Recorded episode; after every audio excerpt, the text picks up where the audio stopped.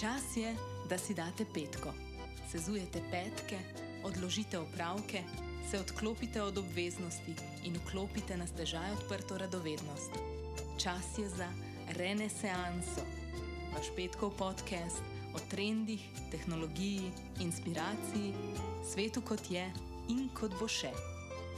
Dragi renesančniki, danes smo na liniji z Blažejem Kupcem in sicer smo ga poklicali v Berlin. Kdo je Blažej, je fantastično vprašanje. Verjetno je dober znanec vseh, ki se zanimamo za osebine o zagonskih podjetjih, prav tako po tehnologiji. Slovencem se je s svojimi članki najprej upisal srce z objavami na TS Mediji in časniku Finance. Dolga leta je bil tudi urednik tematskega sklopa Startup.si in nepogrešljiv gost na vseh tehnoloških dogodkih v Sloveniji. Pot ga je ponesla v podjetja, v Eurosenderju, eden izmed najhitrejših rastočih podjetij v regiji, je Blažej postal specialist za PR in vsebinski marketing.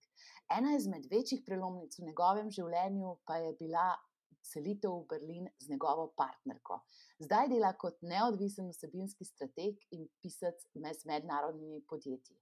Tudi midva sva skupaj napisala kar nekaj zgodb Tako da, Blažej, jaz se še posebno veselim tega pogovora, kjer se bova osredotočila na to, kako lahko podjetja vzpostavijo odnose z javnostmi, mediji in razturajo vsebinsko strategijo. Dobrodošel v Renesansi. Hvala lepa, hvala za povabilo. Ej, z veseljem. Jaz sem tako vesela, da se lahko pogovarjamo, zaradi tega, ker me stalno vsi sprašujejo, kako da objav, kako vzpostaviti stike z mhm. novinarji. In ti si super sogovornik, saj si bil na vseh straneh te zgodbe. Ja, res je. Res je. Ja, najprej, um, najprej kot novinar, potem pa tudi v PR-ju. Ej, super. Zdaj pa svetuješ tudi podjetjem, mednarodnim, um, tukaj le, v katerem akceleratorju danes snimamo, bližje? V bistvu sem v, v Factorju, um, je eden, bi kar rekel, da je eden večjih coworking placev, ne samo v Nemčiji, ampak tudi v, v Evropi. Uh, wow. Tukaj nas je v tej, v tej stavbi, nas je rekel, 3-4 tisoč. Um, in vse, vse v bistvu kar uh, prekipeva od, enega, od ene kreativnosti in podjetnosti. Pa to je že večja slovenska multinacionalka. Ja, ja, Zanimivo slišati. Zelo. Ej, zdaj pa mi da kar preigreva v prvi del podcasta, ker se bomo pogovarjala o poslu, kjer si ga vzpostavil, se pravi o tej tvoji freelance poti, o tem, mhm. -huh. kako si svetovalec in vsebinski strateg podjetij. Preden pa greva čist v. Um, Recimo temu, da tehnični del me pa zelo zanima, na kateri točki življenja si ti našel svojo strast do pripovedovanja zgodb in pisanja. Um, Zaprav, jaz bi rekel, da se je vse skupaj zgodilo precej nenačrtovano, tako ne, skoraj organsko bi rekel. Jaz sem leta 2009 um, sem prišel na eno audicijo na Sijol, to je uh, firmica, pač um, še vedno obstaja, slovenski mediji. Um, in na tej audiciji uh, so nas, šlo, šlo je za audicijo za, za, za novinarje. Tam vem, da smo dobili nekaj um, takih splošnih vprašanj, ne, kako. Um, recimo, jaz sem eno vprašanje, vem, da je bilo, um, kako se imenuje izraelski parlament, pa si mogel napisati eno kratko zgodbico, in potem čez nekaj časa so me poklicali in so rekli, da sem, da sem bil izbran. Um, jaz sem bil to popoln zelenec, pač eh, z novinarstvom, z mediji, takrat nisem imel praktično nobenega opravka, sem jih pa zelo rad prebiral. Um, no, in takrat se spomnim, da sem imel enega tazga senior, unga old school urednika, ki me res pač na polno teral. Um, bi rekel, že celo mogoče malo preveč, tako da sem vmes malo že zgubil volje na začetku. Um, ampak se mi zdi, da potem v bistvu, da je novinarstvo tako kot praktično um, vsaka druga obrtne. Prej ali slej se jo izučiš, prej ali slej ugotoviš, kako, v bistvu, um, kako spisati članek, kako postavljati pravo vprašanje, kako ne izgleda pač um, sama struktura um, nekega, nekega prispevka. Recimo, ne? um, mogoče eden izmed člankov, konkretno, uh, po katerem sem rekel, da mogoče bi pa se jaz lahko s tem res začel pač, um, res, res ukvarjati, ne? uh, je bil. Članek, v bistvu, smešen. Takrat je bila ena afera, mislim, da leta 2011, um, ko so med tema, temi slovenskimi škofi iz Vatikana so jih pač uh, so, so jim rekli, da zdaj morajo pa, zdaj morajo pa pač uh, spremeniti navade, bla, bla, bla. To je bilo takrat sred finančne krize. Um, in mi je rekel, urednik, ok, zdaj pa napišem, mislim, da bi Uran, pa Kramberger, zdaj pa napiš pač portrete o teh dveh um, ljudeh. In, um, in res poklical sem par, um, par, par poznavalcev, um, naredil sem research in sem s tem res posvetil veliko velik časa in energije. In na koncu, kar je prišel ven, mi je bilo izjemno všeč. Uh, in se spomnim, da je bil članek objavljen, 31, ker sem, sem ga šel prebirati, vse komentarje sem prečakiral. Uh, in takrat sem si rekel, okay, to pa res dobro zgleda, um, mogoče bi vas s tem lahko resno, resno nadaljeval. Uh, potem, čez čas sem šel na finance, uh, veliko sem delal s startupi, s podjetniki in se mi zdi, da potem, ko pišeš o, o ljudeh, sploh o takih, ki imajo nekaj zapovedati, pride ta storytelling element, kar samo od sebe ven. Ne? Um, in takrat se mogoče v samo strukturo zgodbe še toliko bolj zaljubiš. Wow. Tri stvari, ki sem se jih na novo naučila o tebi, oziroma o tvojem poslu. Prvo, Za novinarje so audicije, ne razpis za delovno mesto, očitno. Tudi, Druga ja. stvar, uspel si z verskim tiskom. ne, sej, sej vem, da se ga ne smem na ta način reči, ampak pač tako, ja, nora tema, tako nikoli si ne bi mislila. Sem mislila, da si bil skozi tako bolj v tehnologiji, kam da se iz tega sveta tako bolj mhm. poznava. In tretja stvar, da te inspirirajo ljudje, sogovorniki, še vedno, da pač po vseh teh intervjujih, stvarih, ki si jih naredil da še vedno delaš portrete in pogovore z ljudmi. To me je zdaj zelo fasciniralo. Uh mhm. -huh. Res je. Prav, ok. Zdaj pa gremo mečkano v medijsko sceno. Se pravi, ti si kot novinar delal s praktično vsemi večjimi mediji v državi. Na eni točki svojega življenja si bil tudi urednik, in tudi ti verjetno prispeval k karieri kakšnega novinarja na isti način, kot je tisti gospod, ki si ga prej opasoval v tvoji uh, karieri. Uh, kako je pa opisal medijski svet tukaj le v Sloveniji trenutno? Kaj se dogaja, kakšni so trendi? Hm. Prav, leta 2009, takrat je bila sicer kriza že, takrat, ko sem jaz začel. Ne? Um, je bila kriza sicer že kar, ne samo na vidiku, ampak smo bili že kar globoko v krizi, tako v Sloveniji kot po svetu. Ampak jaz sem mogoče ujel le, le še tisto eno leto, ker so bili v medijskem svetu um, pač izjemno visoki honorarji za najmanjše, najbolj, najbolj tiste prevedene članke, um, kjer je bilo mogoče še veliko teh novinarskih pri, privilegijev. Eden takih najbolj očitnih je bil to, da so, da so imeli novinari takrat precej več časa za, za, za pisanje, za intervjuje. Danes se mi zdi, da vse bolj poteka po, po tekočem traku. Ampak ta kriza, ki je potem prišla, ne, je bila, po mojem, sploh v Sloveniji, na enem takem manjšem medijskem trgu, en tak velik katalizator. Um, ker mediji, če pogledaš tam od, od začetka spleta v, v 90-ih letih, ne, so celo to svojo monetizacijo na spletu gradili v resnici na, na oglasih. Ne. Se pravi, ti boš imel ja. vsebino za ston. Um, Plačal boš pa s pozornostjo, kaj bomo potem mi naprej pač prodali oglaševalcem. In ta dogovor, med vsemi temi tremi členi je tam vse do krize zelo dobro deloval. Um, zraven tega so bile tudi naklade, sploh časopisov, tiskanih časopisov, uh, izjemne. Recimo, sem za primerjavo, delo, delo se mi zdi, da je imelo takrat, sprav leta 2008, kot 120 tisoč, evro, 120 tisoč uh, izvodov dnevno, no zdaj ima samo še 25-20 tisoč. Se pravi, ta kriza je res po medijih mm. zelo udarila. Um, ampak časopis in mediji na splošno bi rekel, da mislim, je pač neko ne nujno blago. Se pravi, ti, ko, ti, ko nimaš več službe, uh, ko firme več ne morejo, pač, uh, ko morajo vrčevati, optimizirati stroške, časopis eden tistih prvih, ki se jih bojo losali. Um, se pravi, mediji so bili takrat v precepu in bi rekel, posledice tega, kar se takrat dogajalo, v bistvu danes še vedno opazujemo in še, bi rekel, še precej bolj kot takrat. Um, takrat sta se oblikovala ena dva modela v medijih. Um, en je tam, ki so ga pač dosti hitro posvojile finance. Um, in to je recimo ta prvič, če bi to um, naročniški model, pač nek, uh, nek pay, paywall model, ne, se pravi, stran od oglasov, vsaj ne v tako intenzivni obliki. Um, in drugič, kar je še mogoče z vsebinskega gledišča še bolj pomembno, je to odmik od teh, um, teh tračov, škandalov, um, vem, raznih teh um, političnih zdrah in tako naprej. Sicer to je nekaj, kar prinaša oglede in klike, ampak za vsako medijsko hišo, ki je profitna, je pač so metrike, prave metrike nekje druge. Ne? In sicer to so število plačljivih naročnikov. In finance so se takrat zelo dobro odločile, da gredo iz stran od tega modela v v bistvu en tak koncept, ki se mu reče newspaper. Ne? Sprav, mogoče te bomo mi privabili z enim škandalom, ampak ti nam boš dal denar s tem, ko ti bomo mi pododili vsebino vem, uh, desetih člankov o GDPR-ju.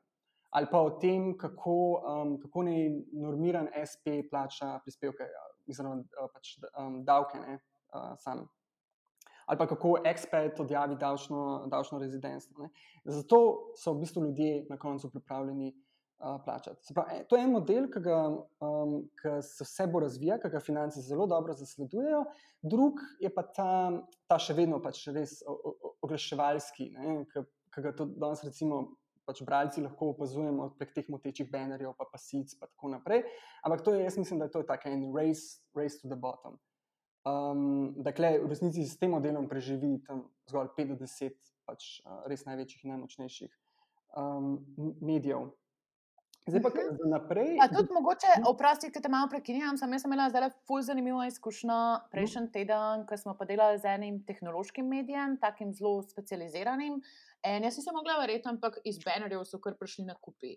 Jaz pa sem si se mogla verjeti, zato ker pač to se skoraj nikoli ne naredi, ali tisto ja za awareness, dajmo še ti z banner, če so nam ga glih poturili zraven. Da jaz ko gledam ti spregled v TM linkov, wow, nekdo klika na bannerje. A veš, ne smeš soditi tudi posebej, ne? Jaz pač, ja, review grem takoj pogledat, pač primerjalne gre, grem takoj pogledat. Sam tako res sem imela pa tisti aha moment, hm, bannerjev tu če ni čisto odpisati, ok. Aha, aha. Zdaj, imam že, že leta in leta adblocker, tako da ne Aha, ti si je ta- eden od naših. eden izmed ja. Uh, saj, ti adblockerji ne, so tudi pač, um, poč, kar pošten zarezali v, v, v medije. Tudi vidimo, recimo, da nas te vedno težijo, ne, pač izklopsi ta adblocker, ker mi tako živimo. Uh, ampak za naprej se mi zdi pa, da so trendi, ki bodo še posebej oblikovali medije, kar je po mojem tudi pač zelo pomembno za, za firme, ki želijo pač prek medijev doseči neko izpostavljenost, so pa tako tehnološki, kot kar poslovni. Ne. V tehnološkem smislu um, go, lahko govorimo. Vem, jaz si z lahkoto predstavljam, kako, bo, kako boš ti lahko en članek prebiral vem, na, na, na ekranu od hladilnika, se pravi ta Internet of Things, ki se zdaj razvija, ali pa vem, v, na ogledalu zjutraj, ki si ščetkaš zobe. Um, pa recimo virtualna resničnost, spet ena medijska platforma, ki bo po moje v naslednjih, ne še zdaj, ampak tam 10 do 15 letih rec, res prodrla v, v mainstream. Ne. Um, in dala neko tako veliko bolj im- immersive izkušnjo pač, um, spremljanja, spremljanja novic. Um, kar se tiče v poslovnem smislu, tisti bo zihar še padal, um, pač časopisi bodo postali luksuzno blago, vse se bo preselilo na, na splet. Danes, že danes ljudje, kako ljudje konzumirajo novice, so tako bits and pieces. Ne? Pač ti greš iskat nekaj, kar te res zanima, pa nekaj, kar ti dostavi Facebook ali pa Twitter. Ne? Um, se pravi, to so vsi trendi, ki bodo močno oblikovali na medije. Bistveno od vsega, um, ne bi rekel, da je lih trend, je pa zihar vprašanje, ki ga bo najtežje razrešiti, je pa to raš- vprašanje zaupanja v medije. Ne? Ta je recimo Mm. trenutno je all-time low. Um, in vem, včasih so bili časopisi, so bili te gatekeeper informacij, for better ali pa za boljši ali pa za slabši. Um, ampak to je dalo potem tudi en tak velik prostor, odprl prostor za dezinformacije, za fake news. In zdaj, kako pridobiti to zaupanje nazaj, to bo absolutno največji, največji izziv za v naslednjih 10 do 20 letih za medije. Ej, to si pa res tako zanimivo povedal. Um, tele bits and pieces uh, so se mi blazno, blazno, blazno usedeli v spomin, no, kot tudi v marketingu vidim, naprimer Harvard Business Review, kakšne mailinge pošilja. U, pa se mailingov se lahko pol mal uh, dotakneva, ti si tudi Mhm. kar majster na mailingih. Um, dej, naprimer, že ja, veš, tako, ko gremo čist en članek preko maila porint, um, kako ti vidiš razliko med klikanjem, pa koliko je samega branja v mailu, ker to so te bits and pieces, ne rabiš pogledati celega članka, zato ker si informiran. Kako to poteka? Um, ja, mislim, kar se tiče recimo z, z, um, z st- stališča nekoga, ki pošilja te maile. Ne? Če pogledamo recimo Ja. čisto konkretno finance. Finance so zgradile celo svojo distribucijsko kako rekel, mrežo na, na newsletterjih. Pač v nekem trenutku, ko sem jaz bil še bolj intenzivno pač, uh, vključen, smo imeli, mislim, da 20-30 različnih newsletterjev. In to so bili newsletterji, ki so šli čist v nišo. Ne? Ti smo, recimo, ne, vem, ne samo za start-upe, še bolj konkretno noter. Ne? In si dobil pač newsletter s, a, z kurirano vsebino, ki je pač res tebe zanimala. ne. Um, in jaz mogoče newsletterje v tem smislu vidim tudi recimo, en tak način, sploh ker vemo, da so konverzije pač načeloma više, ne, nekaj, kar ti dobiš v, v, v mail. Tudi eden od načinov, kako se mogoče um, postati bolj neodvisen od, od, od um, velikih oglaševalskih platform, od uh, social medija kanalov. In si mogoče ja. res, da je teži, veliko težje, veliko pač več časa traja, ampak je mogoče eden od načinov, kako res pride do kupcev, pride do bralcev um, na en tak bolj, kako rekel, dolgoročen način. Ja, absolutno. Pa tudi ti si lasnik podatka. Ja. Naprimer, če ti Facebook zablokira tam stran oziroma oglaševalski račun, res zmrzneš. E-maile, pa pač, če imaš v bazi lepo urejene, če pač nimaš tega sam na enem mestu, v tvojem mailchimpu, je to en takšen podatek, ki si ga res, res, res, res, res lahko lastiš. Tako da, ful dobro povedano. Uh -huh. uh, ja, in potem si ti je bila že iz tvojega medijskega sveta, tam, ki si ga zelo, zelo, zelo dobro že poznal, šel v neznano. Šel si delati v, ja. ne bomo rekli, temu privatni sektor, šel si delati v podjetja, na produktno stran. Ja, ja, ja, ja. Dej povej, kakšna je bila ta tranzicija. Uh, ja, se pravi, mi dva s punco sva se, sva se pred štirimi leti preselila v Berlin. Um, v bistvu ni nobene, nobene, nobene štorije v zadnji, samo to, da smo imeli, oziroma punca ima tukaj stanovanje in je bilo vse skupaj neprimerno lažje, pač prideti sem gor. In sva mhm. rešila, in na začetku je bila tranzicija zelo postopna. Jaz sem še malo pisal za, za, za Slovenijo, potem je pa tako, ne, pač um, freelancerstvo v, v medijskem svetu je prvič zelo omejeno na jezik. Um, nemško, enostavno nisem znal dovolj dobro, angliško bi šlo, ampak spet ne, pač se vključiti v, v, v ta svet traja nekaj časa. Se rekel, ok, pač um, pisati znam, približno razumem to, to logiko, ne, to mehaniko zadaj. Um, in sem razmišljal, kaj je v bistvu tisti najbolj naravni prehod. In to je absolutno pač PR. Pravi, zdaj, če si ti na eni, ti, kot PR-ovc, jaz mislim, da, da je ta, uh, recimo, če delaš ta prehod iz novinarstva v PR, ne, da si, po mojem mnenju, lahko pač boljši PR-ovec na nekem nivoju. Ti res točno razumeš in veš, kaj je tisto, kaj je potrebno, kaj je potrebno uh, napisati, kaj je potrebno izpostaviti, da bo novinar pač zagrabil, da mu boš prodal članek, prodal novico. Ne.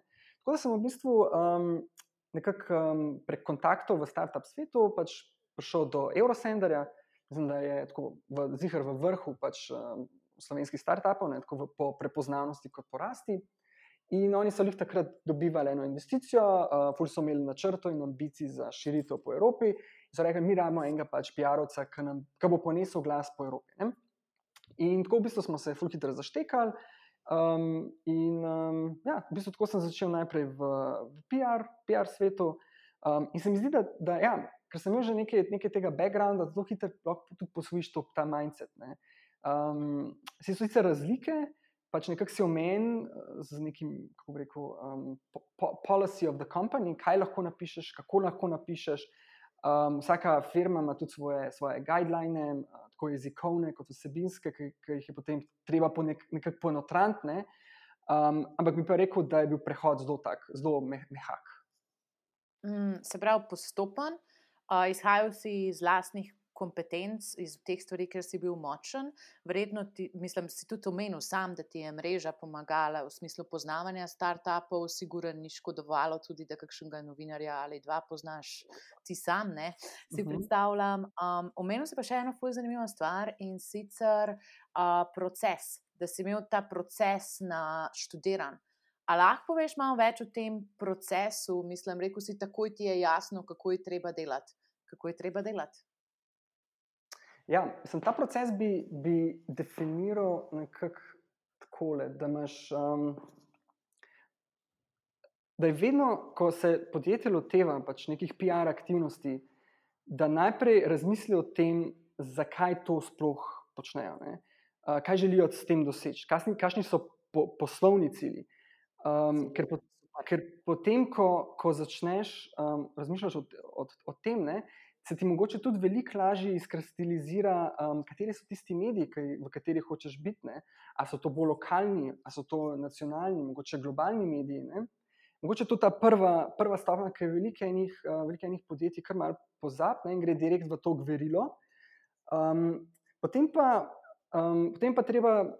Kako rekel, um, identificirati, ne, treba je vse bolj konkretno, pač, um, konkretno, kateri mediji so tisti, ki nas, ki nas zanimajo, kateri novinari v teh medijih nas zanimajo, kako, bomo, kako bomo do njih pristopili. Ne?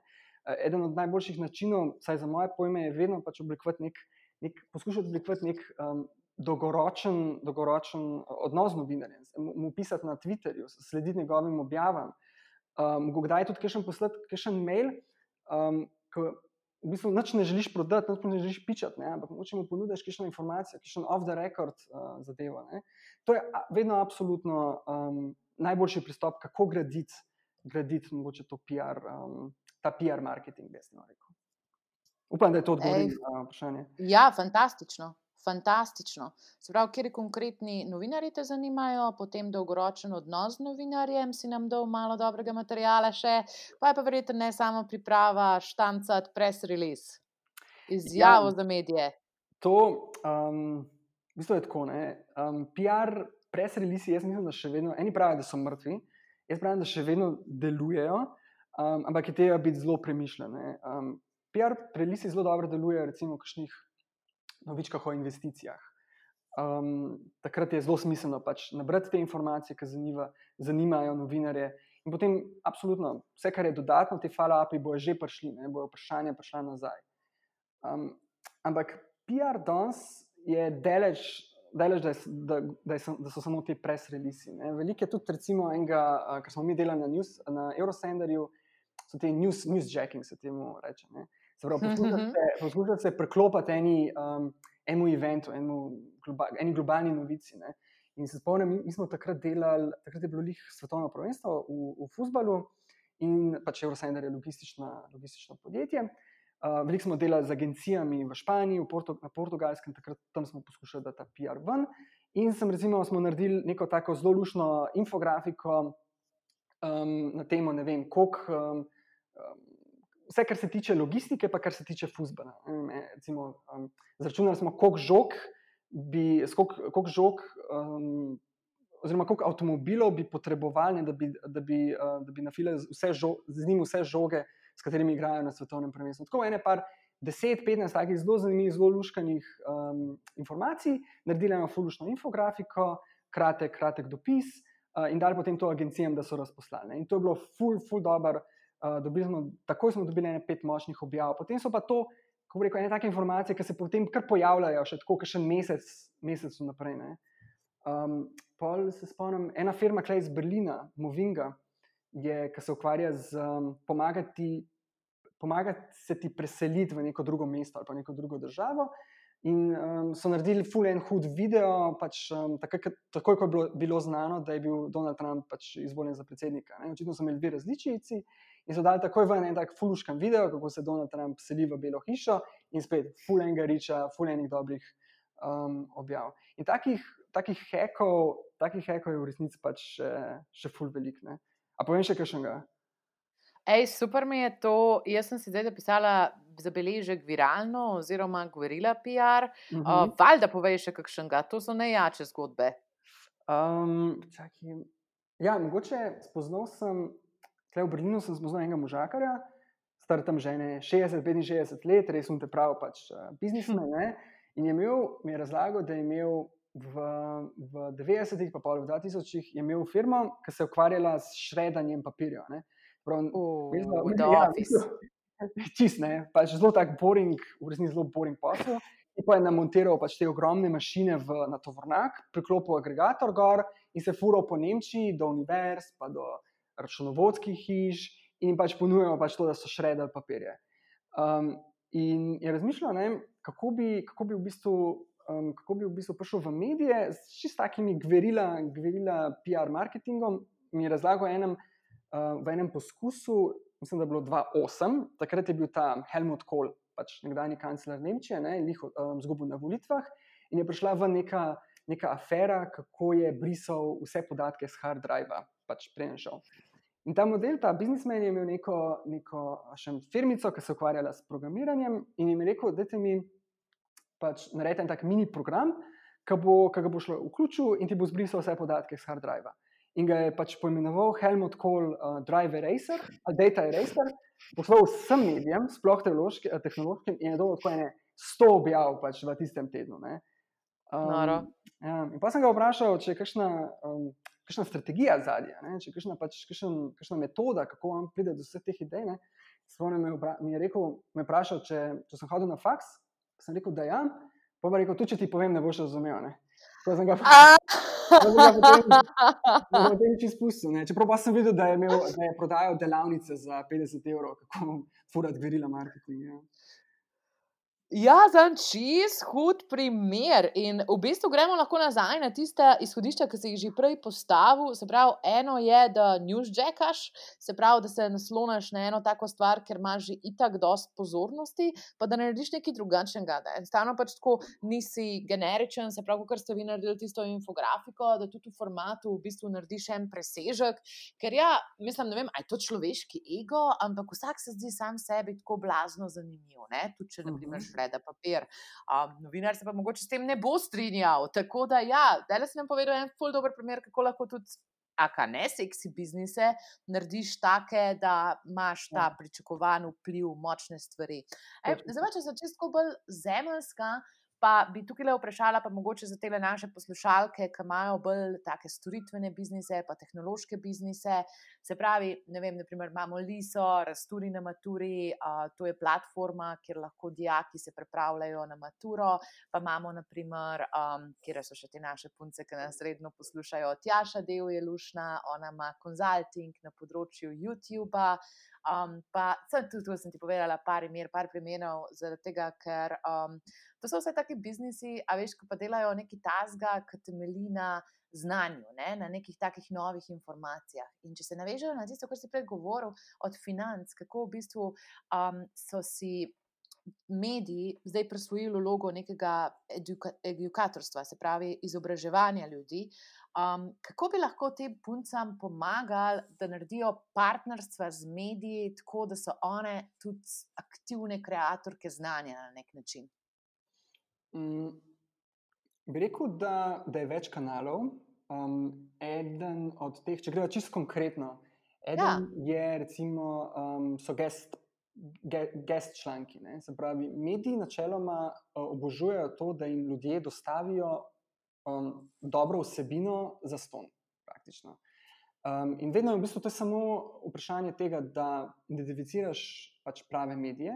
Vem, če prodajaš um, recimo, um, vem, karkoli z marketingom, greš do marketing magazina.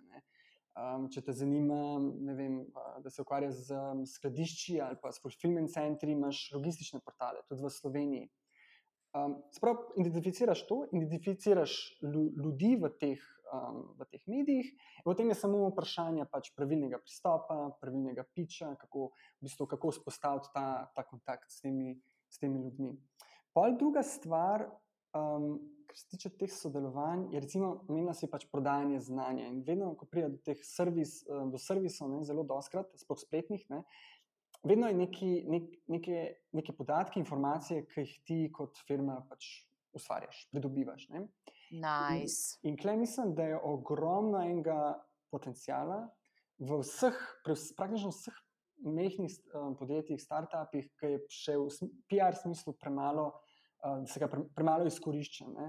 Um, kako v bistvu uporabiti podatke, ki jih imaš, iz tega oblikovati neko zgodbo, ki je potencialno newsworthy.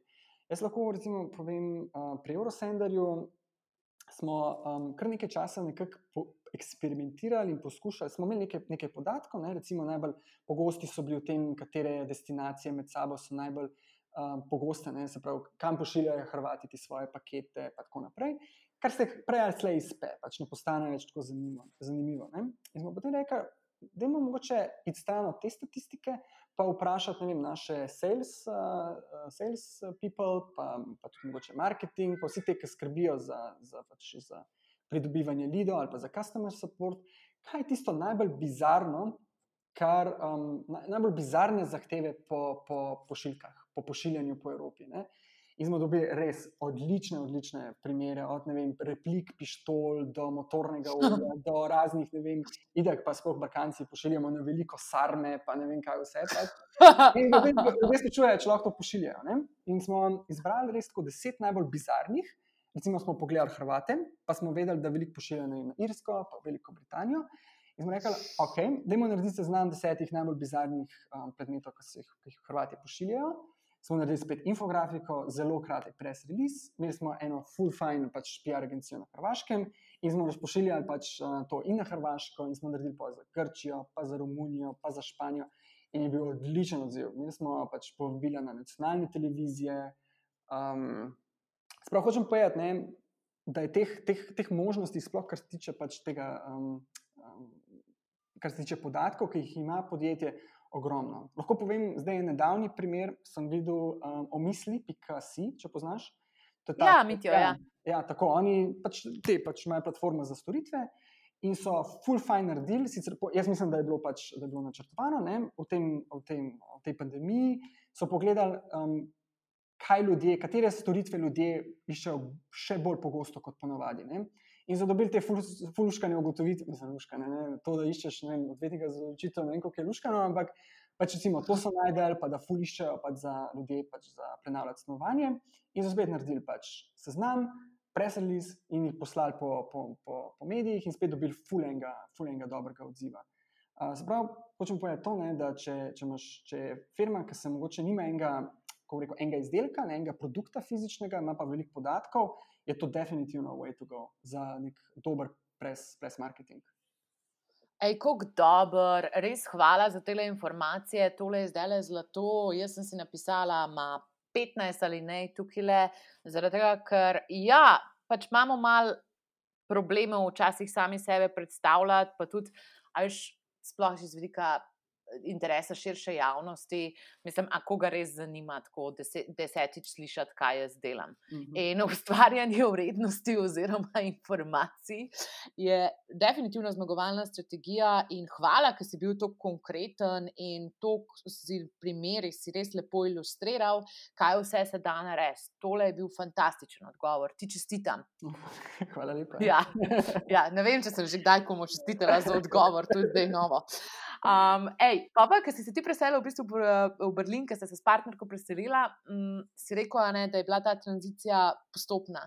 Vsem je pa pač v teh poklicih, kjer komuniciramo z jezikom, ki ni naš nativen, toliko težje biti mednarodno konkurenčen in pač najti eno tako svojo nišo. Kako pa je ta tranzicija v tvoje freelancerstvo oziroma v tvoje lastno podjetje potem potekalo? Kako si našel prve stranke? Ja, Mičkam je bilo, na začetku je bilo manj stragla. Um, vedel sem, da edina pot, pač, eh, kako vsaj v tem mojem biznisu nekako uspeti, je znanje angleščine. Se pravi, Berlin je izjemno mednarodno mesto um, in tudi veliko nemških podjetij, um, ko rekel, išče angliške specialiste na vseh področjih. In sem vedel, da nekak, če bom jaz dvignil to svojo angliščino na neko res profesionalno raven, um, imam možnosti, da uspem tudi v, v, recimo, v nekem takem poslu, kot je writing, business writing. Um, kar mi je bilo veliko pomoč, je ravno ta, um, ta ustanova, kjer sem zdaj, ne, se pravi Factory, ker imamo fantastično skupnost na Slacku, na svetu, se pravi, tam je 3-4 tisoč, karkoli vprašaš, um, dobiš zelo hiter odgovor. Um, zelo enostavno se obrniti. Seveda imaš pa tudi veliko podjetij, pa posameznikov, ki objavljajo razno razne jobe. In v bistvu tako se je začel. Pač, um, en je iskal ne nekoga za landing page, druge rabo nekoga za blog, tretje rabo mogoče eno pomoč pri, pri PR-ju. Um, in tako samo enostavno, enostavno začne, začneš, začneš sodelovati. Zdaj bi pa rekel, da pride pa 80% um, tega dela tako slovenskimi, kot tudi mednarodnimi firmami prek um, word of mouth. Nekako se, nekak se razve uh, in potem je zelo tako priporočil, in uh -huh. potem je vse skupaj neprimerno lažje. Uh, bi pa rekel, da tukaj, ja, absolutno. Mm, v primerjavi s Slovenijo, um, bi pa rekel, da so sploh v mednarodnem, mednarodne firme, um, bi rekel, da so bolj profesionalne, iskreno. Um, saj, kar se tiče dis, uh, finančne discipline, pa kar se tiče tega, vse to so moje izkušnje. Pa mogoče, da to, kar se dogovoriš, če postaviš, recimo, res zelo jasno, kakšne so zahteve, pa kaj oni tebe pričakujejo in kaj ti pričakuješ od njih, um, da ne, ni problemov, da se ne zataknejo stvari vmes. Ne? Da ni dodatnih pogojev, dodatnih zahtev. Ne? Saj take so moje izkušnje. Ja, ti, prijatelj, delaš tudi na enem izmed najbolj urejenih trgov na svetu. Jaz sem se zadnjič malo pogajala tam z enim Izraelcem, pa ima mene partnerje iz Brazilije in po mojem je tako zelo relativistično to gledano. Ne, mislim, da je Nemčija, ja, se predstavljam, da je urejen sistem, tudi naprimer Amerosi, pa nizozemci, pa to, to so pač ti narodi z visoko poslovno kulturo, sam čistko, no, ki snima povest po, po slovenski podcast, um, nismo najslabša možna poslovna ne, ne, ne, na svetu, sigurno ja. so pa priložnosti za izboljšavo. Tako, tako. Ja, ampak absolutno, meni se zdi tudi pravilno pogovarjati o plačilni nedisciplini, tega, ker to je pa res tista minimalna, ali pač da konc meseca izstavaš račun za nekaj, kar si uh mhm. -huh. pošteno v delu in je imelo dobre rezultate. Tako da, mislim, jaz sem že skoraj na tem, da rečem, nisi svina od biznisa, si svinja od človeka. Um, pa Dobro, dobro, pustimo to zdaj, drugič, v redu je, v redu je, se upravičujem vsem poslušalcem za mini rent. Um, gremo zdaj le tukaj le čist pa v PR, pa vsebinski uh -huh. del še. Uh, čeprav mi je bilo ful zanimivo, kar si povedal za to, kako si se priklopil na obstoječo skupnost in tam v bistvu zgradil dobro ime praktično na novo, ne, z novimi referencami, uh mhm. -huh. ker tisto, kar si v Sloveniji delu, ti pomaga, da si kredibilen, ni pa neposredno bilo povezano s tem, kar so oni tam kot ja. jezikovno verjeten hotel. Tako da zdaj gremo pa še na tvojo primarno ekspertizo, se pravi PR in vsebine. Um, dej, za začetek, da nas malo nasmejiš, kaj je bila najbolj neumna, najbolj bizarna stvar, kar ti je kdo napisal kot novinarju v upanju, da boš ti objavil njegov članek? Najbolj smešen primer. To moram pa razmisliti. Ej, tudi, da mislim, mislim, da v resnici ni bilo, ni bilo, sploh ni bilo nobenega res bizarnega primera, ampak um, bolj sem se nasmejal pri, ob, ob popolnem nepoznavanju, um, kako, rekel, um, kako medijski trg dela pa ne samo mogoče medijski, ter, ampak kako pristopati do človeka.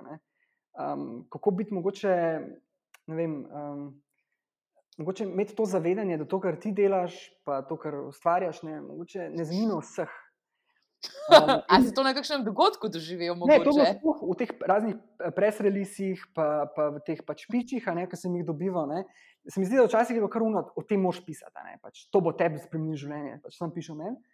Um, in to je tisto, kar, kar je bilo mogoče najbolj, mogoče celo moteče, da je bil še prav tako bizaren. Mogoče smo mi enega naredili, pa e, Eurosender, oziroma z eno agencijo, ki smo poslali pač, vem, um, škatle, ne, z, pa smo noter dali gudije, pa pol press release, pa, um, pa poslali novinarje, pa se jim je zdelo tako, mogoče je bilo tisto malo over the top. Um, ampak ne vem, ja, naj, mislim, najboljši pristop. Um, do, do, do novinarja, ne, ali tudi to, kar sem jaz doživel od, um, od ostalih, je zelo tako enostavno, zelo preprosto, resnica. Sprav personaliziran, kratek mail, narejen research, um, zakaj jaz v bistvu, kaj sploh delam, kaj sploh potrebujemo tebe. Uh, zelo kratek, un value preposition, zakaj sem drugačen, zakaj sem boljši, zakaj je relevantno to, kar delam v tem trenutku in zakaj ti pišem. Um, zelo sem alergičen, pa vedno na te klišeje, ono, revolucionaren, disruption, bespoke. Um, to mi je vedno zelo odvrnil, pa mislim, da tudi večino drugih novinarjev. Um, ja, tako da bi rekel, da je to, da je to ključ, ne? pa ne, ne klicati, joj, to je pa, to je pa najslabše. To pa ne maram. A, pa... te lahko nekaj vprašam. Ja, lahko. dobro, dobro, dobro. Evo, le si nam spet eno tako konkretno dal. A pa ne smem več tvoje cifre na okrog dajati. Um, Sej, a si jo dajala na okolje? Ne, nisem. Nisi, ne. To je bil moj ja. zaklad. Ja. No. Ampak ja, res, res. Pa, jo, pa, imaš ljudi, ki pač ne odnehajo. Um, tako da, ja, maili so tam z razlogom. Ej, že glih zanj sem imela en full smešen primer, ker sem imela pri menedžerju uh, članek, se je v isti ediciji, uh, si tudi ti full dobro napisal. Um, No, v glavnem pač tako dobim pol tiste povabila na LinkedIn, a veš, tako so tragiko tega sveta. In en tako napiše: Živijo, prosim za vašo telefonsko številko, nekaj se moramo pogovoriti. Še en tista, živijo, zdaj mi lahko kar tukaj napišete, kaj vas zanima. In pa tako, ne, ne morem, res bi potreboval vašo številko. Blok. No, blok. Že, že blok. dober filter. Dober filter. Ja, totalno. Uh, ne, tako da, ja, ti telefoni so res nadležni, oziroma jih uporabljamo takrat, ko je nujno, ne tisto pač tako, da bomo tako. zdaj si predstavljali nekomu, ki piše in ima pač deadline, da bi rad poslušal pet minut mojega piča o najnovejšem črevarstvu v ja, Sloveniji, ja, to ja. ne dela.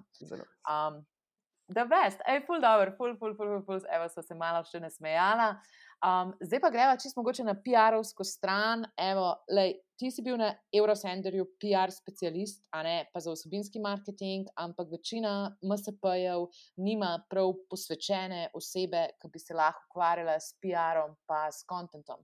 Da iz tvoje prakse, tudi ko delaš ta freelance business, nam malo povej, kako podjetja rešujejo uspešno ali manj uspešno ta primankljaj, da nimajo strokovnjakov za področje odnosov z javnostmi.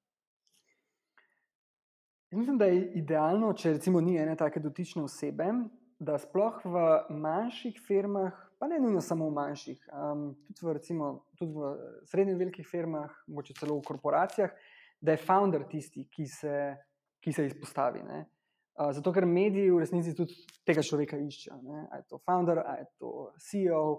Um, pravi, nekdo, človek, ki ima neko avtoriteto, um, ki, ki, tudi, ki ima največ znanja. Ne? O, o, o, recimo, o panogi, v kateri deluje, in v sami firmi. In bi rekel, da obstajajo, um, da obstajajo firme in firmice, kjer imajo founderji, podjetniki en tak zelo naraven feeling. In mislim, da definitivno tudi ti v tej kategoriji. Za, oh, en tak flirting z mediji, z novinarji, um, tak angažma, um, dobro znajo furati to Twitter prezenco, vsake to pošljajo, kakšno novičko novinarjem, povejo, kaj je tako čisto off the record, neki še en tip. Um, sodeluje na konferencah, mediji veliko krat organizirajo konference ne, in pač iščejo ljudi, ki bodo sodelovali. In če se kakšen founder javi, je to avtomatsko že en tak zelo dober link, ki ga potem lahko uh, iščeš in, in eksploraš naprej. Um, in razumejo, da je to en tak, da je dam odnos, sprav, da je zelo vzajemno. Ja. In tukaj tudi nekaj, novinari smo, so, ne, izjemno, precej leni, na tak dober način. Ne?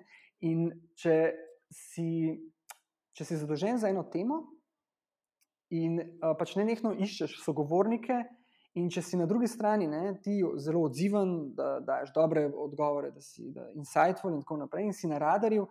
In boš v bistvu vedno videl, kako bodo novinari prihajali, vedno znova k tebi nazaj. Ne?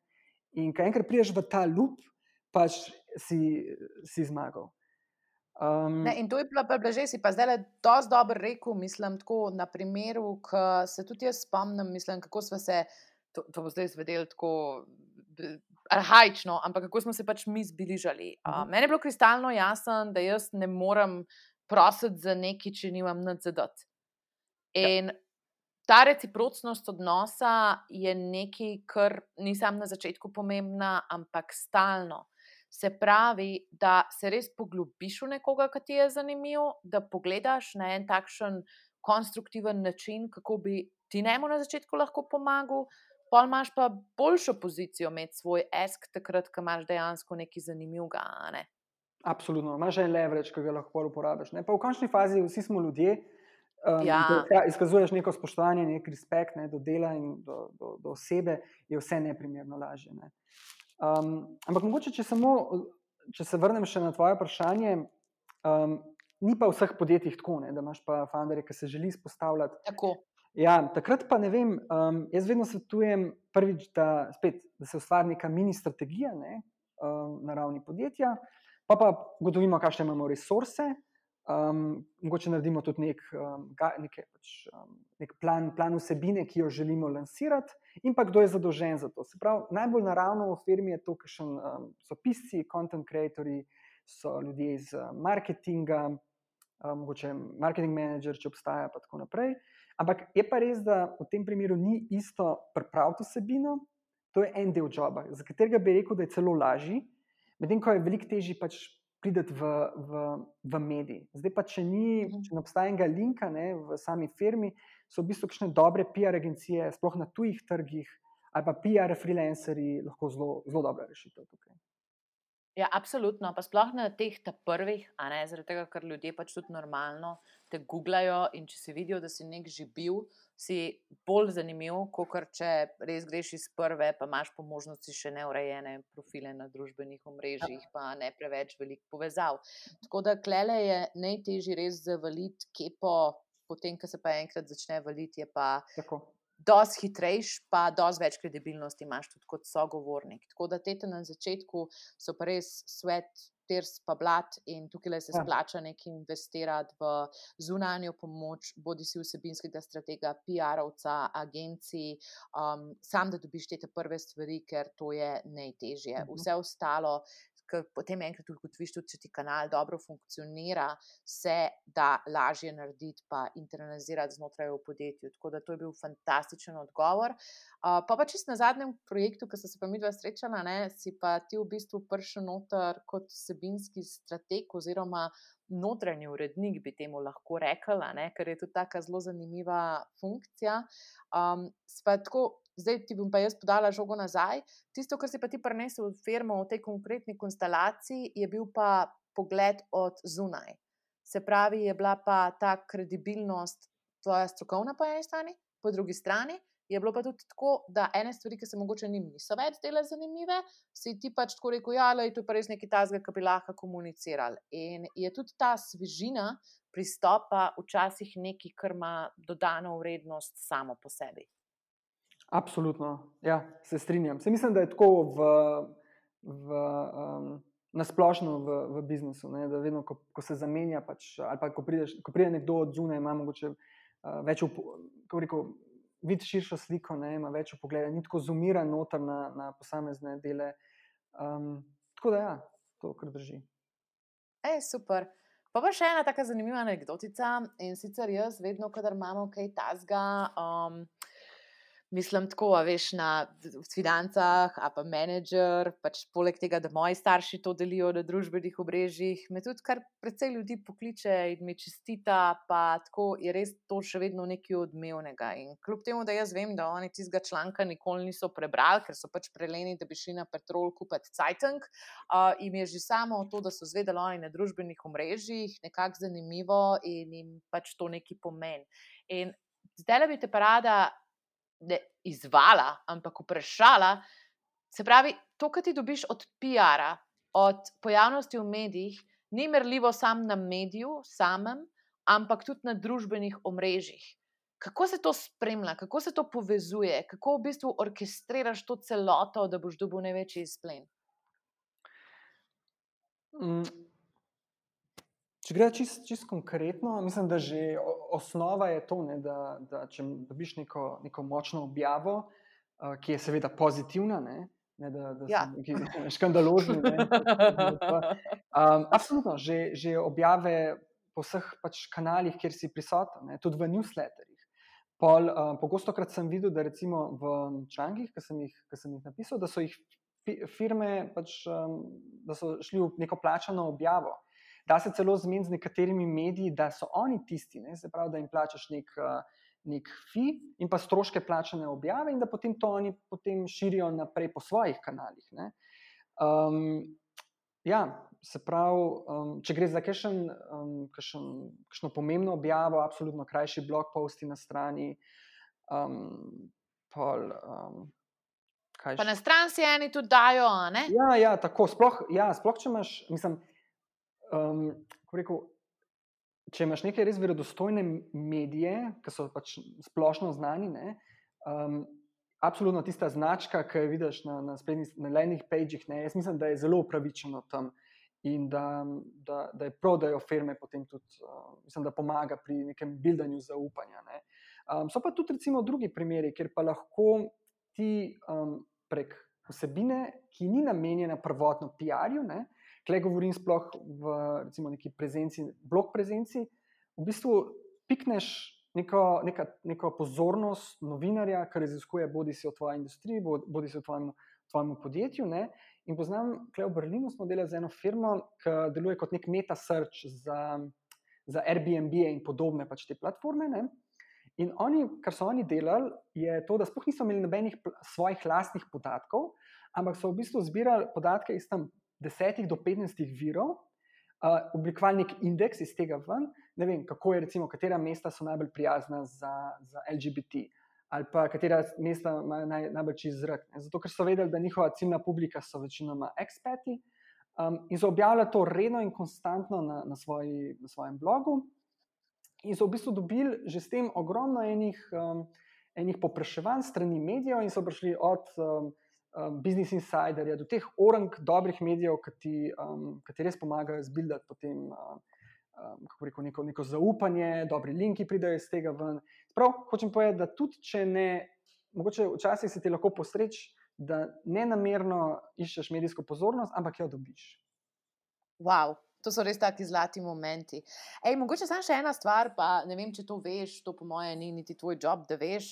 Ampak mi smo se velikrat že trčili s kakšnimi ekipami ob to, če oni lahko uporabljajo logote od medijev na svojih spletnih straneh. In jaz pač ne rečem, prosi za dovoljenje. Ne? Pač tako prosi za dovoljenje. Ali imaš ti kakšno drugo prakso, oziroma poznaš kaj legal plat tega? Ali... Uh, ne, jaz, jaz mislim, da je tako common courtesy, da ja, mogoče ne se vprašaš. Jaz mislim, da pri teh velikih medijih, od teh Cruncha, uh, Wired in podobnih, tega načeloma ni potrebno, ker je to že zelo ustaljena praksa. Uh, že pa Aha. si res želiš nek, nek logo enega bolj lokalnega medija, pa nisi zihar, ja, se strinjam. Vi vprašal prej. Ja. Ok, cool, zanimivo. Um, tole mi je ful, ful, ful, ful, ful zanimivo, kar si rekel tudi za. Um, prej, ki smo se pogovarjali o tem, da se PR lahko naredi iz tvojega vsebinskega marketinga, pa da so to tudi dobri, se pravi, povezave, čez za SEO, za uh, to. A si kdaj tudi bil v situaciji, čist profesionalno, ko so ti rekli, da moraš pridobivati linke? Bil, bil. Uh, v bistvu smo imeli um, ful enih dobrih objav pri medijih, ampak nismo imeli pa linkov. Recimo je bilo linkov tam. Ja. Um, recimo, 30% je bilo polinkano, ostalo ne. ne. So, ker mediji včasih so vse linkali. In imaš tudi, se mi zdi, imaš sploh večje medije, ki imajo pač zelo določeno politiko. Ali linkamo vse, ali pa ne linkamo nič. In uh, moja naloga takrat je bila, da identificiram pač te, te spletne strani, te medije, ne, ki pač niso polinkani, in potem nekako poskušam uh, dobiti prave osebe, kako, ki bi, za, seveda, pač, ne da bi karkoli investirali, ne karkoli plačali, um, polinkali na naš, naše spletne strani. Moram reči, da v tistem trenutku smo bili kar uspešni, uspešni pomeni, recimo, tam ene. Četrtina, mogoče tretjina linkov, uh, linkov smo potem naknadno dobili, ne? ampak ja, zadeva se je izjemno spremenila. Ne? Recimo, lahko povem, da en, um, en lokalni slovenski medij, severno od Ljubljana, um, je hotel, ne vem, recimo 130 evrov za en mesec, da bi ta link gor pač bil uh, na, na, v našem članku, ne, oziroma v članku o, o naši firmi. Um, zdaj pa ne vem, mi smo potem še trekali, da to deluje ali ne deluje. Um, nisem toliko v tem SEO-tu, ampak um, ne vem. Jaz bi rekel, da če to delaš sproti, ne, da ko pride neka objava, potem že takrat, ko imaš neko odnos z novinarjem, pa ta odnos zelo svež da se splača vprašati, da bi pa to prav naknadno delal v bazi vem, stotih različnih, različnih objav, pa ne vem, če se splača. No. Ej, ful dobro, pa res spet sveže iz terena, ne? Ja. preizkušeni stvari. Ej, zdaj pa sem še eno tako nepopularno vprašanje. Zdaj imam za te nepopularno vprašanje, pa populistično vprašanje. Kjer ga hočeš prvo? Uh, nepopularno. Ja. Okay.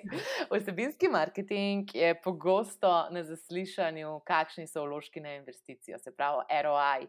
Um, včasih pa tudi zmanjka energije za redno prisotnost, posebej radi se to naredi, kadar začnemo pisati blog in potem obtičimo v letu 2017 na spletni strani. Kako se ti kot strokovnjak, ki svetuješ podjetjem, odzivaš na take izzive? Hm. Klede, nimam jih enega pametnega odgovora, zato ker večinoma bolj delam kot nek torej freelancer, ne, recimo zunani izvajalec. In takrat, predtem se firme že, že sprejmejo odločitev, ne, se pravi, da bomo dedicated ja. nek budget, pa nek effort za to. Ampak se strinjam s tabo, absolutno 100%, da konsistenca je pri to vrstnem pojavljanju pač ključna. Ne. In mogoče imajo podjetja malo preveč ambiciozne cilje na začetku, in potem to, to navdušenje ja. zelo hitro splahni. Tako da jaz vedno svetujem, da se dela po etapah, da se ima neke umestne cilje, da so zelo jasni uh, KPI-ji in da se potem pač um, prilagaja ne, pač, um, skozi obdobje pač tudi um, strategijo. Ej, kaj pa tako strategija? Mislim, jaz vedno nekako se pogovarjam s podjetji, no, posebej tisti, ki se hočejo uveljavljati v tujini. Rečem, naredi na začetku majhne in pojdi pol na večje. A se ti s tem strinjaš, a si ti za munšote? Um, v kakšnem smislu? Misliš o, o sami vsebini? Ja, naprimer, ko imajo objavco, ki lansirajo eno tako storitev, ki je popolnoma nova. In jaz vedno na začetku rečem, pejte testirati na tisti teren, ker veš, da te ne bo bolelo, zato da postajaš mal boljši v narativi, ki jo govoriš. Potem, ko si pa pripravljen, pa imaš zadostno kritično maso, si pa enostavno v boljši poziciji, da zapreš pol nekaj večjega. Ja, mislim, kar se tiče, s, jaz mislim, da je recimo z oblikovanjem nekega narativa ne, o, podjetni, o svojem podjetju, um, neke te zgodbe, ki pač, se, se lepo vije potem čez vse, kar delaš, ne, kar si delal in kar boš delal, da je to tudi neka evolucija. Tako kot je produktna evolucija, je tudi v tem storytelling. In ja, se strinjam, da, da se tudi tukaj splača pač eksperimentirati, poskušati. Um, um, testirati različne, različne sporočila, različne kanale, tako da jaz, jaz mislim, da je to. In potem to je tak naravni proces. Ne? In potem v bistvu tudi, kar začutiš, da to pa je tisto, kar jaz želim komunicirati, ne? takrat veš, da takrat s tem pa lahko, s tem pa lahko res živim in to je tisto, kar, s katerim bom še zdaj olin. Upam, da je to odgovorno. Absolutno, absolutno. Storytelling, evolucija, izjemno zanimiv pojem. Zdaj pa prihaja še populistično vprašanje, ki se mu z vsemi štirimi izogibaš, vendar le prihaja. Prim se za stol. Kako dobiti objavo v svetovnem znanem mediju? Prej si omenil Business Insider. To je ne, fantastično vprašanje, res. Uh, odgovor, prvi odgovor je, bi rekel, bolj tak res boring, ki ga slišiš na, na, na vem, podjetniških uh, sestankih, ne, uprave, uno, odvisno od ciljev. Um, a je res, a smo res um, ali nam je res to potrebno, kakšen je cost-benefit izračun tukaj. Zdaj, tako je, če so PR cilji, um, konkretni PR cilji taki, da ži, mi želimo povečati lokalno prisotnost. Ali pa zeli, želimo, recimo, smo na novem trgu in zdaj tam imamo eno pisarno, želimo ciljeno pridobiti um, dobre kadre ali pa neke um, take hude lide prek press marketinga v tem primeru zaslediti eno veliko objavo v New York Timesu ali pa v Wired ali pa kjerkoli drugje, kakšne res globalne medije, mogoče se treba vprašati, ali se res plača. Um, ampak absolutno, kar pa drži, je to, da te objave definitivno pač pove, povečujejo kredibilnost, uh, so ful dobre pri pičih, če gre za startup. Pri, uh, pri iskanju pač investicij, daje ti nek, nek vetting, zunanji vetting. Se pravi, ti smo enega novinarja iz New York, New York Times je res pač tisti na vrhu, ne ogromno še enega prostora do tja. Ampak vseeno, pač novinar te je že pregledal v resnici. Ne? In to daje mogoče vsaj tisti, um, odprekaš na vrata, če, po moje. Ne?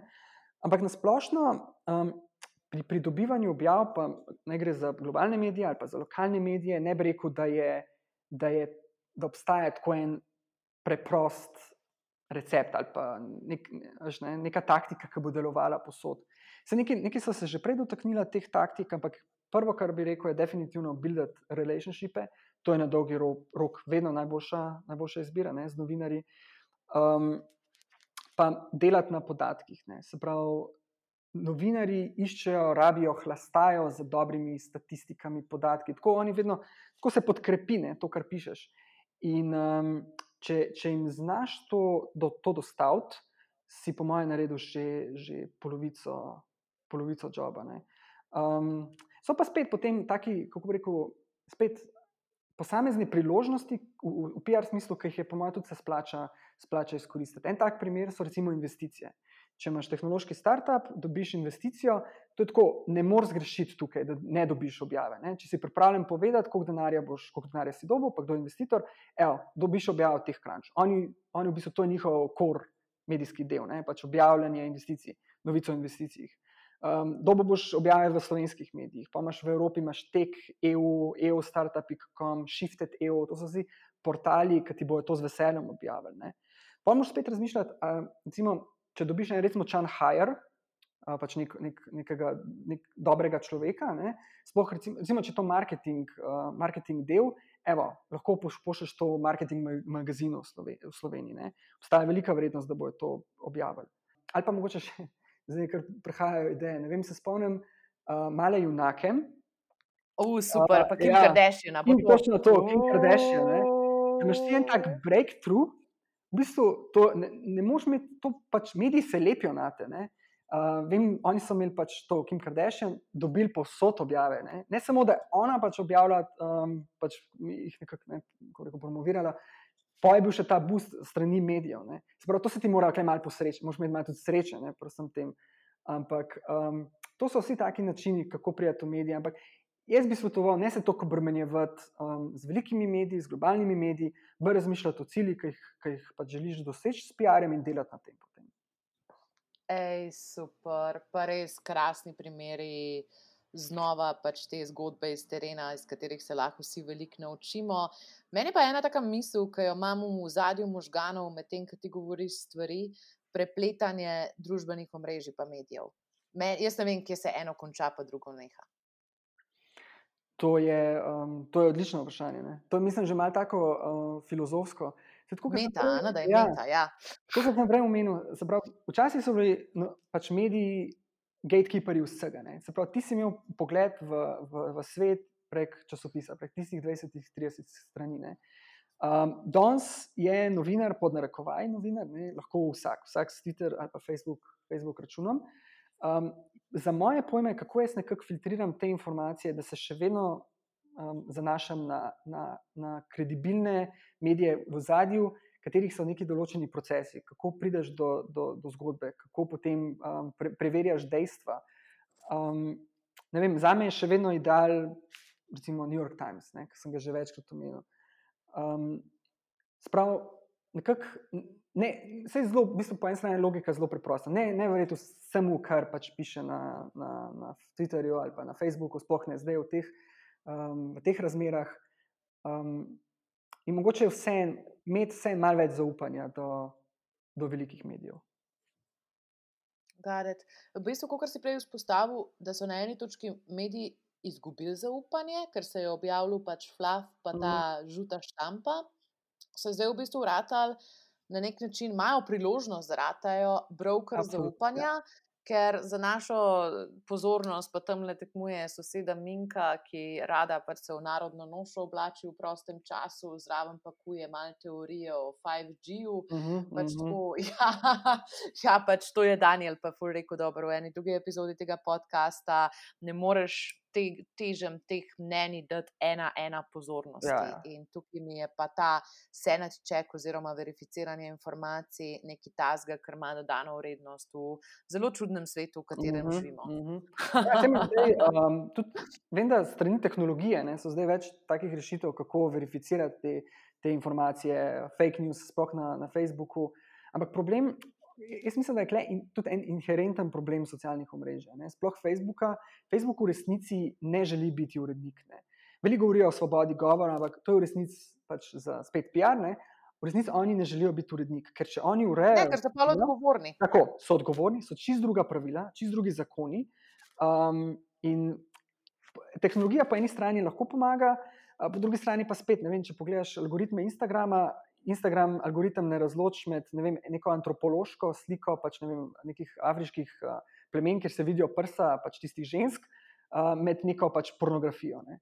Sprav spet polagati preveč zaupanja v tehnologijo tudi ni pametno.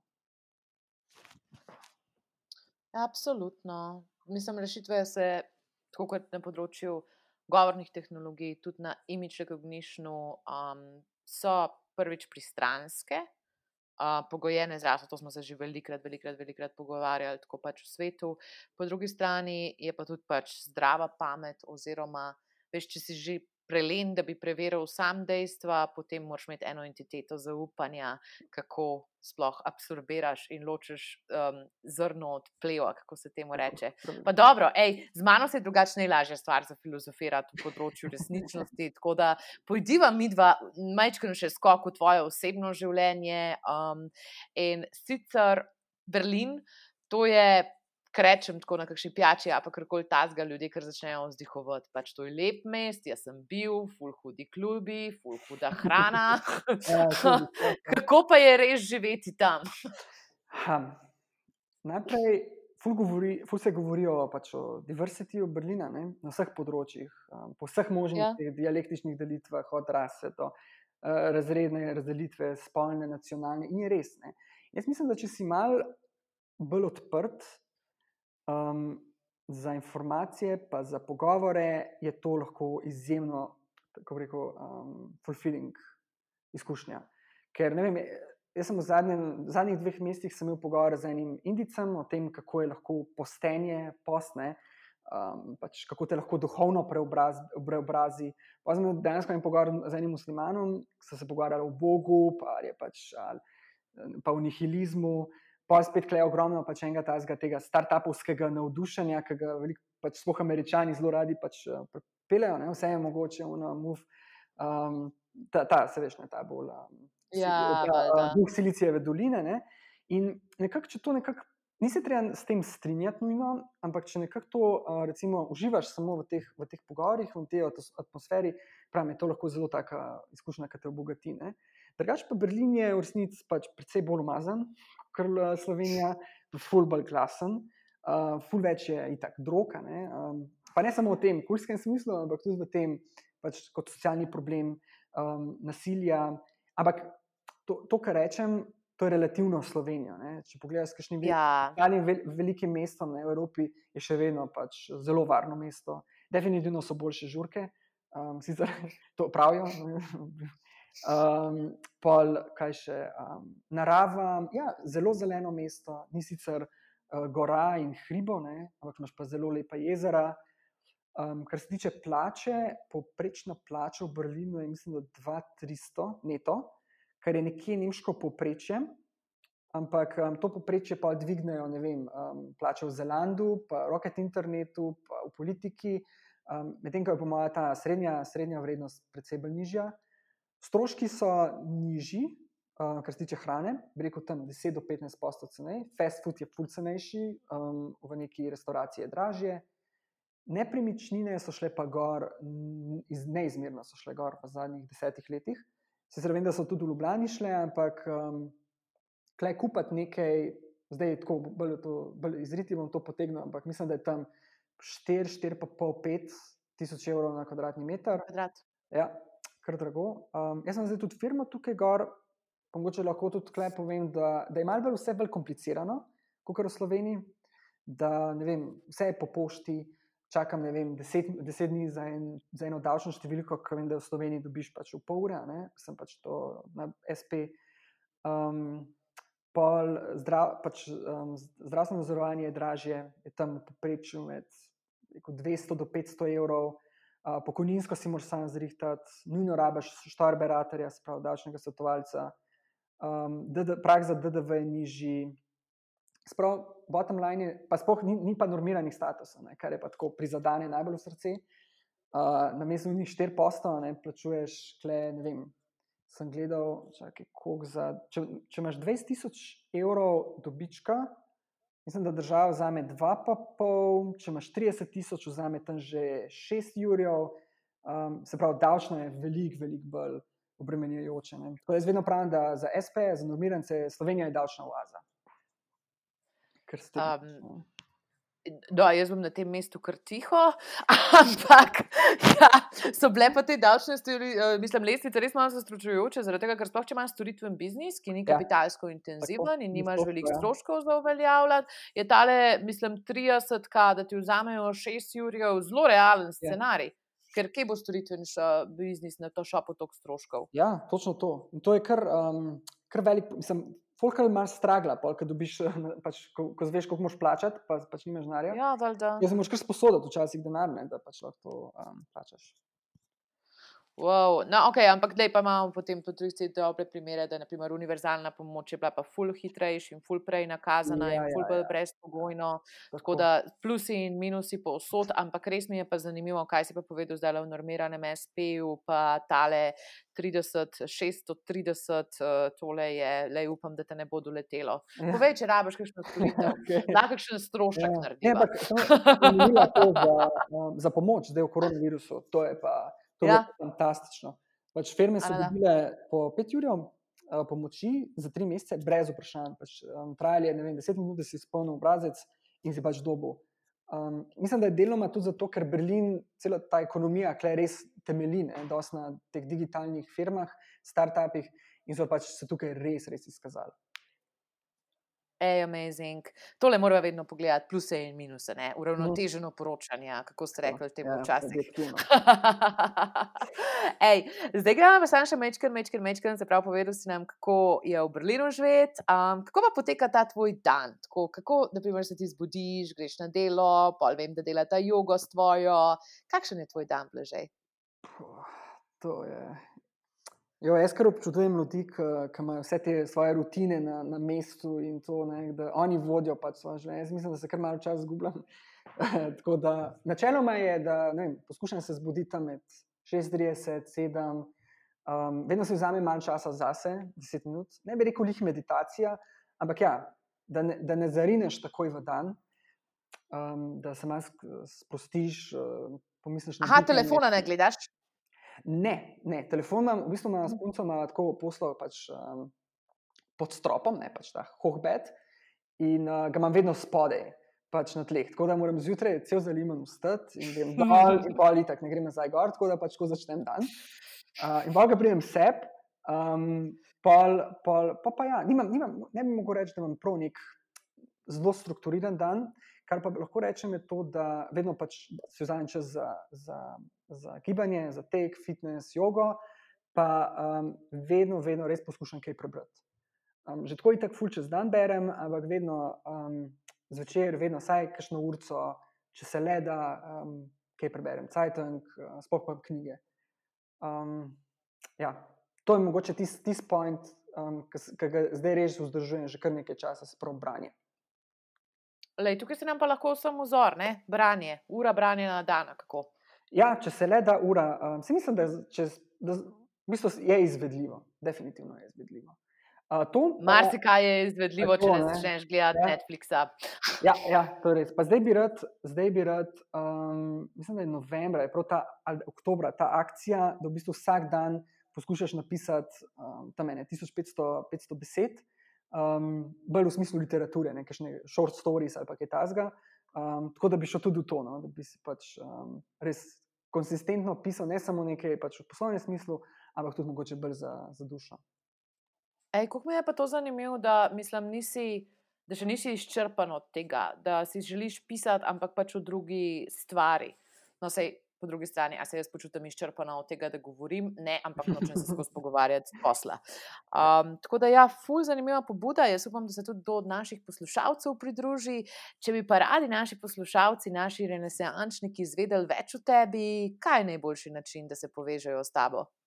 Uh, bi kar predlagal LinkedIn, um, sem kar bolj aktiven, um, pa še Instagram. Ampak LinkedIn bom z veseljem odgovarjal na vse. Super, pa še tvojo telefonsko bomo potem mal na internet, ja, link ali klele v podcast. ne, hit, hit, hit, hit. hit. Uh, Nač bležej. Videla sem zdaj le ugotovila pred zasebanjem podcasta, da se poznava 8 let. Um, jaz ti čestitam za čudovit profesionalen in osebnostni razvoj v tem času. Hvala, ker si velikodušno delil vse te trike, kako se dobro dela PR, ki so bili na vse življenjski. To so stvari, ki jih lahko podjetja delajo in ne rabijo čakati, da bojo imela investicijo, podatke imajo že preseb in jih je treba sam pravilno zapakirati. Tako da tukaj se ti zahvaljujem za pragmatičnost, pa realno sliko nad resursi, ki jih ima večina ljudi na razpolago. Um, hvala, ker si bil gost, um, pa se vidimo v Berlinu. Hvala tudi tebi za povabilo. Z veseljem. Ciao! Ciao!